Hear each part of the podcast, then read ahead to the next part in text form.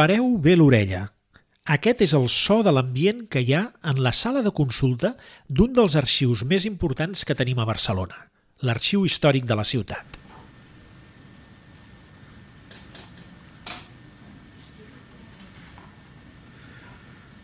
Potser direu que no heu sentit gran cosa. La veritat és que hi ha força silenci. Si ens esforcem, potser sentirem el cruixit d'alguna cadira, la veu apagada de dues bibliotecàries comentant alguna cosa, el tecleig d'un portàtil i algunes veus que provenen de l'exterior. Avui, cosa estranya, no se sent cap música al carrer.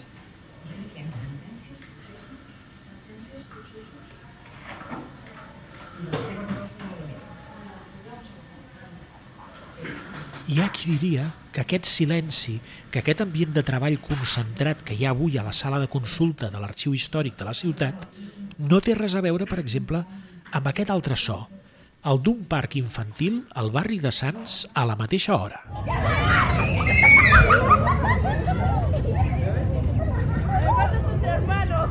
O amb l'ambient d'una cafeteria al passeig de Faro i Puig. o el brugit de la vida a les voreres i als carrils de circulació del carrer Aragó enmig de l'Eixample. Però resulta que tots aquests ambients més sorollosos, plens d'activitat i de vitalitat, sí que tenen una relació molt estreta amb l'ambient de treball i silenci d'un arxiu. I és que els arxius, en la seva quietud aparent en la conservació de la documentació que custodien, en el seu silenci instal·lat en les sales de consulta, en el discret feinejar de recercadors i personal que hi treballa, contenen dins seu un batec, en el fons, tan sorollós, ple d'activitat i de vida, com el brugit que hi pot haver en un parc, en una cafeteria o en qualsevol dels nostres carrers. Els arxius són els dipositaris de la documentació que parla de la vida de Barcelona en totes les seves facetes, de la vida dels barcelonins i barcelonines, tant dels que hi ha hagut abans que nosaltres com de nosaltres mateixos. Ens agradaria molt compartir amb vosaltres bocins d'aquesta vida de Barcelona que guarden els arxius. Barcelona, en paraula d'arxiu.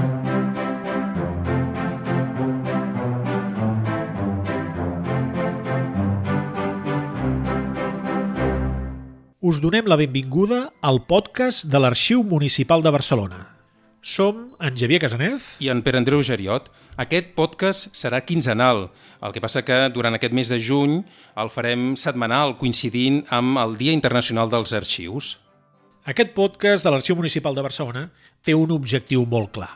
Apropar-vos als arxius, fer-vos-els sentir propers, propers als arxius i pròpia també la documentació que s'hi conserva i la feina que s'hi fa.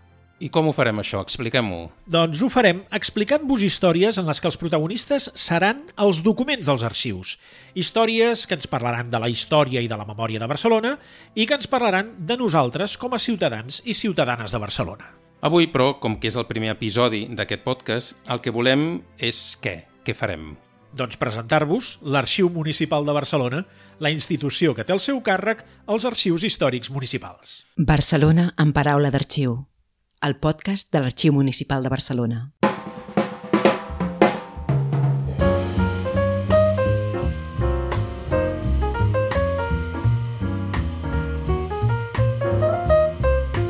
Clar, la primera pregunta, Xavier, que ens hem de fer és què és l'Arxiu Municipal de Barcelona? Doncs per respondre a aquesta pregunta, està clar que amb qui havíem de parlar és amb en Quim Borràs, l'arxiver en cap de l'Ajuntament de Barcelona.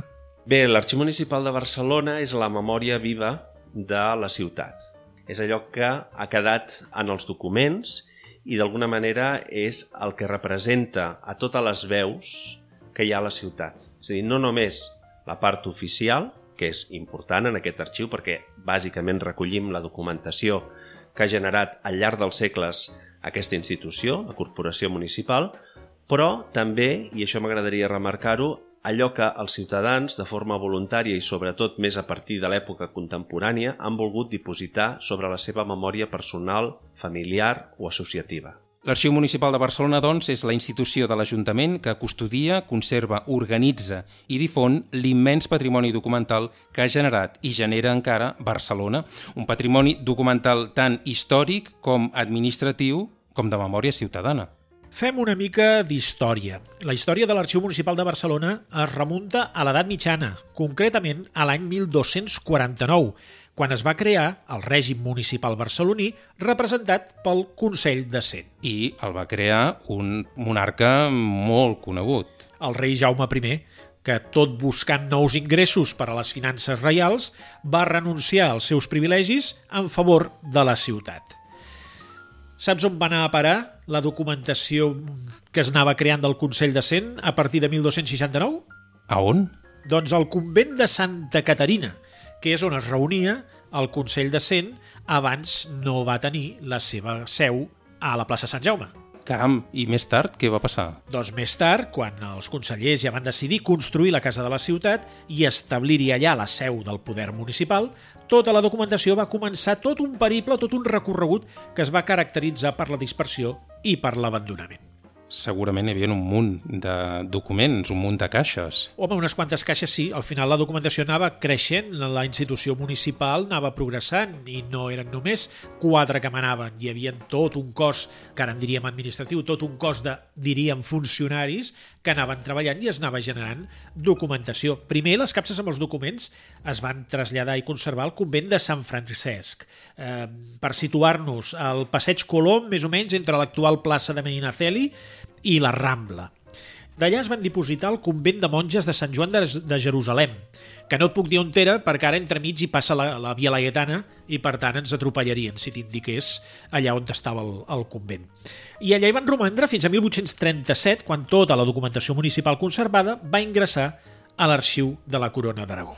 Més endavant, el 1848, l'arxiu es va traslladar, oi? a les plantes superiors de les cases consistorials de l'Ajuntament a la plaça Sant Jaume i ja el 1917 es va acordar la divisió dels fons en històrics i administratius. I aquest també va ser el moment en el que es va comprar la Casa de l'Ardiaca, que es va acabar convertint en seu de l'Arxiu Històric de la ciutat, mentre que l'arxiu administratiu, de moment, encara es conservaria a l'Ajuntament.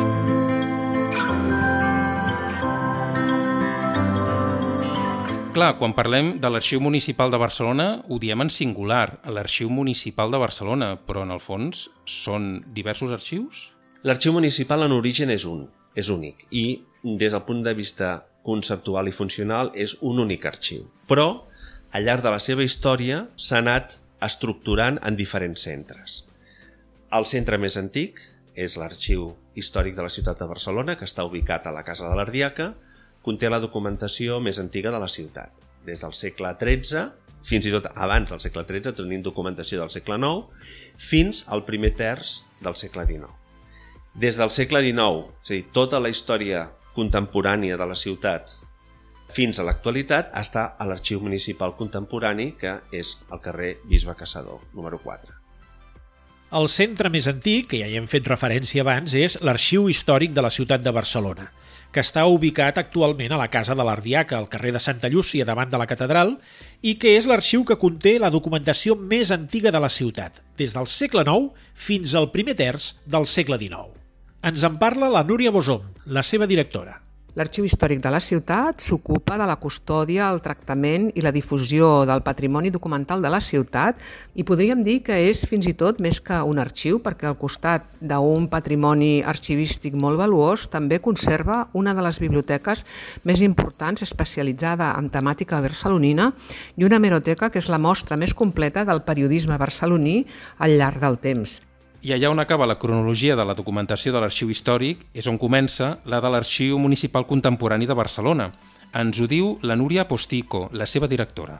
A l'Arxiu Municipal Contemporani custodiem bàsicament tots els documents des de a partir del, de la primera meitat del segle XIX, a partir del trienni liberal, diríem 1820-23, fins a l'actualitat, també custodiem la documentació que en diem institucional, que és dels esdeveniments importants rellevants de la ciutat, com l'exposició del 1888, 1929, el Fòrum d'Escultures, etc. I darrerament també custodiem tota aquella memòria que en diem de la ciutadania. Un exemple d'aquesta custòdia de testimonis de memòria de la ciutadania el trobem, per exemple, amb la tasca que van realitzar l'Arxiu Contemporani en col·laboració amb el Museu d'Història de la ciutat de recollida de tots els testimonis de condol que la ciutadania va dipositar en la Rambla després de l'atemptat de l'agost del 2017. A més de l'arxiu històric i de l'arxiu contemporani, també tenim un altre arxiu molt particular.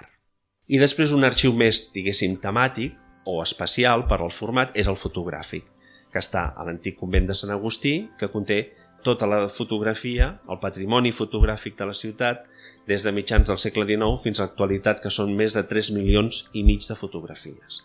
Aleshores hem parlat de l'arxiu històric, l'arxiu contemporani i l'arxiu fotogràfic.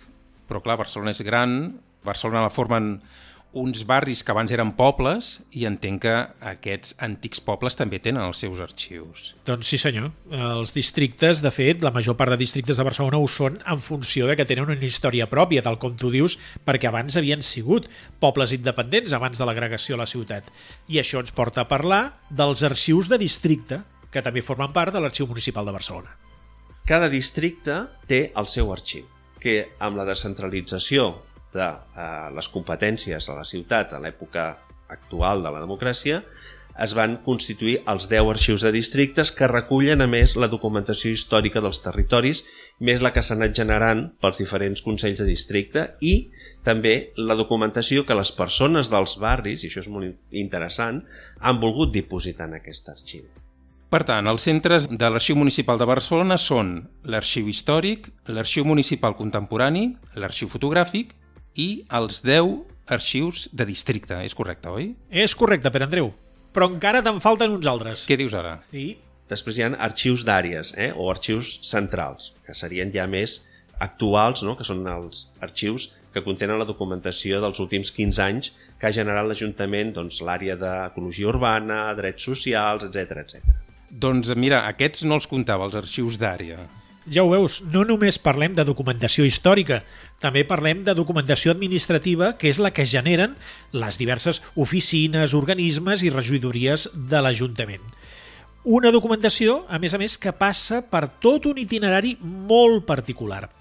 Fixeu-vos que en Quim Borràs ens ha parlat de la documentació dels darrers 15 anys. I què passa després?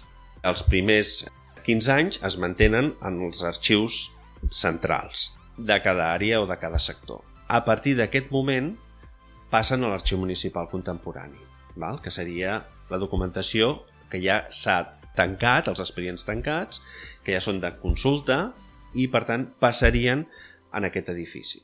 Pel que fa als districtes, passaria el mateix, però no venen aquí l'arxiu contemporani, sinó que es queden els arxius de districte. Val? O sigui, més o menys, diem 15 anys, però tampoc no és una data màgica, eh? no és que vol dir són 15, no, a vegades pot ser una mica abans o una mica després, però més o menys és això. Caram, però la documentació que genera l'Ajuntament de Barcelona és moltíssima. Ho recolliu tot? No ho recollim tot perquè tenim uns criteris selectius. No podríem recollir-ho tot. Per tant, hi ha un criteri tècnic que seleccionem. Val? Per exemple, hi ha una cosa bàsica, és a dir, no guardem còpies. És una cosa que sembla evident, quan nosaltres rebem la documentació és un esforç important d'insistir sempre de dir l'arxiu només guarda originals. I aquests criteris que dius són només tècnics? Eh, a veure, quin tipus de criteri de selecció seguiu a l'hora de conservar o no la documentació? Nosaltres el que no fem és seleccionem o eliminem de forma arbitrària. És a dir, hi ha uns estudis tècnics en el qual valorem els documents, és a dir, els valors dels documents. No? Tenim en compte el valor administratiu, el valor fiscal, el valor jurídic i el valor històric o informatiu. Si dictaminem, i no només els professionals, arxiveres i arxivers, eh? sinó hi ha la comissió, que aquesta comissió està representada per historiadors, juristes, administrativistes, és a dir, hi ha tot un conjunt, no som els, els professionals dels arxius, sinó que hi ha una representació. Hi ha historiadors que són historiadors sobre la història contemporània de Barcelona i la documentació. Si aquesta comissió, després de presentar uns informes, aprova això, està molt avalat, no és gratuït. Barcelona, en paraula d'arxiu.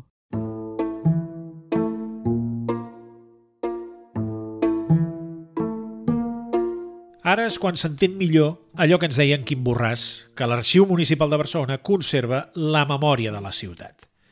Els centres d'arxiu de l'Arxiu Municipal de Barcelona custodien i conserven milions de documents. Sí, efectivament, eh, el pes de la història es nota. Tenim molts segles, tenim molta documentació, gairebé tenim 50 quilòmetres de documentació, que això vol dir que si poséssim la documentació una al darrere de l'altra amb les capses, arribaríem, doncs, a, bueno, imagineu-vos, no?, geogràficament fins a Igualada o més i tot, no? I com a responsabilitat i com a dedicació és molta, perquè, és clar és ingent la quantitat de documentació ingressa més documentació que a vegades les possibilitats reals que tenim d'organitzar-la. Però bé, per això tenim professionals i molt bons que ho fan i que posen la documentació a disposició de la ciutadania. Una ciutadania que som nosaltres. Nosaltres podem accedir a tots aquests documents, nosaltres podem consultar aquests i milers i milers de pergamins, volums manuscrits enquadernats, lligalls, expedients, fulls sols, fotografies, mapes, cartells, en fi, es guarden i es conserven tot això i més als arxius. Documents d'una riquesa i d'una diversitat absolutes en les seves formes i tipologies, documents tan variats i d'aspectes de la vida urbana tan diversa com aquests.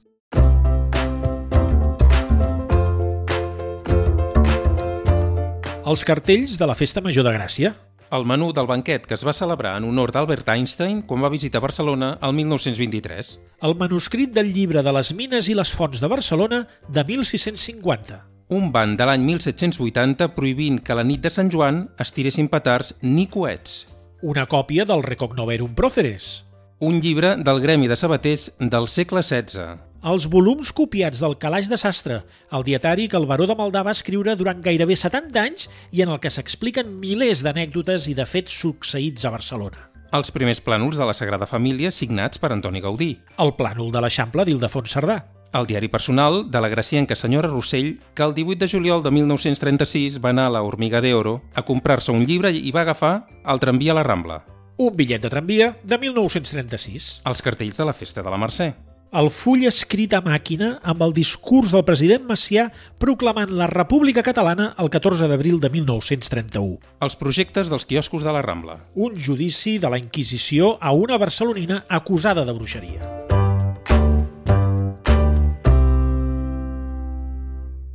Barcelona en paraula d'arxiu. El podcast de l'Arxiu Municipal de Barcelona.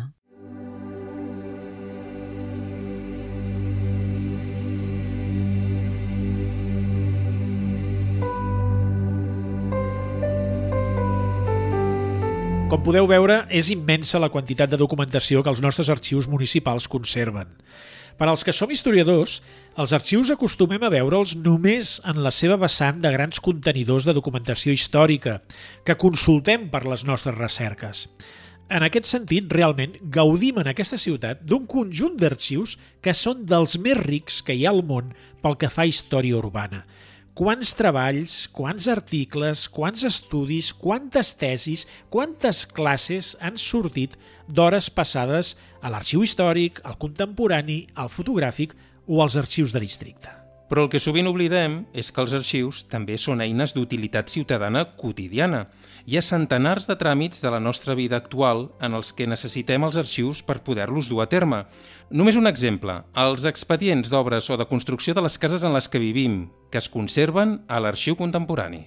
Qualsevol persona que ha de fer obres a casa seva, qualsevol construcció nova de la ciutat, ha de passar necessàriament, sempre, per la consulta dels antecedents que estan en aquest arxiu. La utilitat dels arxius i de la seva funció essencial per a aquesta ciutat i per a la ciutadania es va demostrar fins i tot durant el confinament degut a la pandèmia de la Covid-19. A l'arxiu contemporani, els seus fons van ser considerats bé essencial per poder atendre correctament els barcelonins i a les barcelonines que emmalaltien per la Covid. Ens ho explica la Núria Postico. Durant el confinament vam venir aquí a l'arxiu a desarxivar els expedients de les llicències d'obra sobretot i les llicències d'activitat, però bàsicament d'obres com a construcció dels hotels que van estar medicalitzats per atendre persones malaltes de la Covid. Per què? Doncs perquè bàsicament havien de posar tots els aparells d'oxigen i altres aparells en els soterranis i necessitaven els plànols. Llavors els arxivers de l'Arxiu Municipal Contemporani van baixar, penso que va ser un parell o tres de cops, a desarxivar els expedients d'aquests hotels, perquè ens ho van requerir bombers, bombers de Barcelona.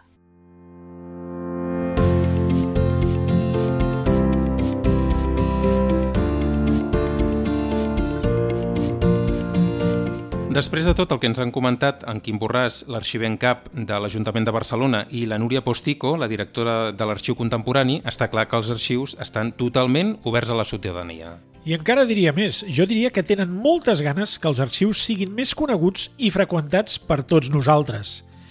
I és que, malauradament, em sembla que els arxius i els arxivers sempre han sigut objecte d'uns tòpics que no sé si els fan gaire justícia. Un dels tòpics és que són llocs tancats, foscos, inaccessibles, no? Vull dir que hi ha molt el mite que s'ha vist de les pel·lícules, de les novel·les, que són llocs misteriosos, que són inaccessibles.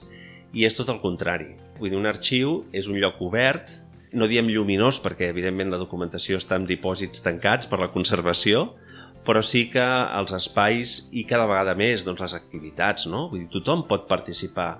Organitzem un munt d'activitats a l'any per la ciutadania. Però, a més a més, doncs, donem accés a qualsevol persona. Certament, els arxius municipals realitzen moltes activitats obertes a tothom al llarg de l'any.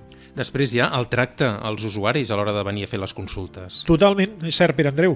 Tu i jo tenim experiència de treballs de recerca nostres propis pels que hem hagut de consultar documentació d'aquests arxius i podem donar fe del tracte que rebem als arxius i de la cura que el personal dels arxius tenen.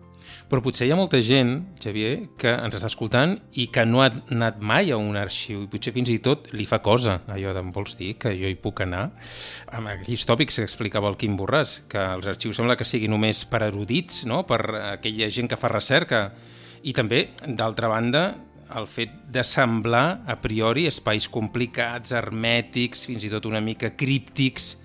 Li hem preguntat això també a la Núria Postico. Escoltem què ens ha dit? La gent que ve una vegada i que troba el lloc que recercava eh, generalment torna fins i tot a vegades a demanar-nos coses que no és del nostre àmbit però la gent ha quedat contenta de l'atenció i ens sol·licita nosaltres. D'altra banda, també el que fem normalment, quan ens venen a demanar alguna cosa que nosaltres no podem oferir-los, eh, no els podem ajudar, és intentar adreçar-los assessorar perquè com que eh, la xarxa d'arxius de Catalunya és gran i bé, doncs moltes vegades nosaltres no tenim la documentació perquè demanen àmbit Barcelona però pot transcendir d'aquest àmbit, doncs assessorem, intentem adreçar-los. Fins i tot ens posem a contacte amb companys, arxivers d'altres àmbits i els adrecem cap allà. Hi ha hagut un moment en què el Quim Borràs feia referència als drets de les persones vinculat a la funció dels arxius. Fins i tot en alguns documents publicats per l'Arxiu Municipal hi llegim que és un servei públic essencial que garanteix l'accés i l'ús dels documents per assegurar els drets de les persones. De totes maneres, no ens ha quedat del tot clar i li demanem que ens ho ampliï una mica. L'arxiu és un element clau de la transparència. Val? Per tant, qualsevol ciutadà que vol saber, vol conèixer la, qualsevol tema que li afecta, nosaltres hem de garantir l'accés. No? I per tant això és un tema essencial dels drets de les persones. Per exemple, doncs, un llogater que vol saber doncs, eh, la seva finca, qualsevol aspecte perquè té un problema o amb la pròpia administració. Eh? Fins i tot pot dir, ostres, és que a mi ara m'estan reclamant uns impostos i jo no estic d'acord, però vaig a l'arxiu i consulto la documentació per verificar si aquestes dades són d'acord. Nosaltres actuem de forma neutral i sobretot per afavorir els drets de les persones. L'arxiver en cap ens explica també altres casos específics, alguns d'ells dramàtics pel que fa a l'afectació personal de ciutadans i ciutadanes. Persones que han vingut a consultar els registres perquè tenien la sospita que havien estat nens robats. I per tant, aquí a l'arxiu se'ls ha facilitat, se'ls ha ajudat a recuperar aquesta informació per saber quina és la seva identitat. En general, tots els arxius hem de ser espais d'informació i de garantir drets, i això és fonamental. també hem volgut saber quina és la posició de l'Arxiu Municipal de Barcelona respecte a altres institucions semblants, ja siguin de l'Estat o d'altres estats europeus. L'Arxiu Municipal de Barcelona, en definitiva, està ben considerat? Hi ha un reconeixement, jo crec, a Europa, a Espanya, per descomptat. Jo crec que no hi ha, a nivell municipal, perdoneu la modèstia, no? però diria en aquest sentit, potser no hi ha un equivalent. Eh? Vull dir, Barcelona és bastant un referent per la resta i també això ens ha fet avançar i, i ens fa doncs, posicionar-nos a la resta del món també i som coneguts doncs, a Europa i a altres països. Doncs nosaltres encara no ho hem dit i ja va ser hora que ho fem, abans no ens en descuidem. Què hem de dir? Doncs que en aquest sentit del tema de la digitalització dels fons conservats pel sistema d'arxius municipal i de voler estar oberts a tothom, per als que no ho conegueu, us fem saber que moltíssima documentació que tenen els arxius no cal ni anar-hi per consultar-la. No, no, des de casa Totalment. Ho podem fer des de casa, accedint al web de l'Arxiu Municipal de Barcelona o de qualsevol dels seus centres d'arxiu, podeu accedir al seu catàleg en línia. Un catàleg en línia que disposa, atenció, de 410.000 registres, un 30% dels quals contenen documents digitalitzats. Tenim accés a més de 77.000 fotografies, 26.000 documents textuals i prop de 14.000 cartells, gravats, plànols i altres tipologies documentals. Barcelona. En paraula d'arxiu. Bé, fins aquí aquesta primera entrega del podcast de l'Arxiu Municipal de Barcelona.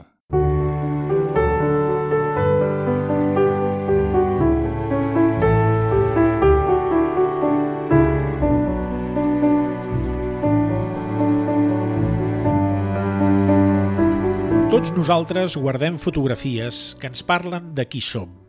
Fotografies dels nostres pares, dels nostres avis, dels nostres fills quan eren petits, de nosaltres mateixos en les nostres diverses fases de la vida. Tots nosaltres guardem també aquells papers que ens identifiquen i ens situen en la societat, en l'àmbit professional en els que ens desenvolupem, o que ens acrediten aspectes administratius en tot allò que ha envoltat la nostra vida quotidiana i ciutadana, escriptures, certificats, pòlisses, contractes... Tots guardem, segur, en carpetes o en capses o en alguna pila amagada en algun armari, aquells papers que per nosaltres han sigut importants en algun moment. Des d'aquells apunts de la facultat d'aquell professor que valia tant la pena, fins a dibuixos, entrades a concerts o potser una carta d'amor de fa molt de temps. Papers oblidats que també han fet que siguem el que som.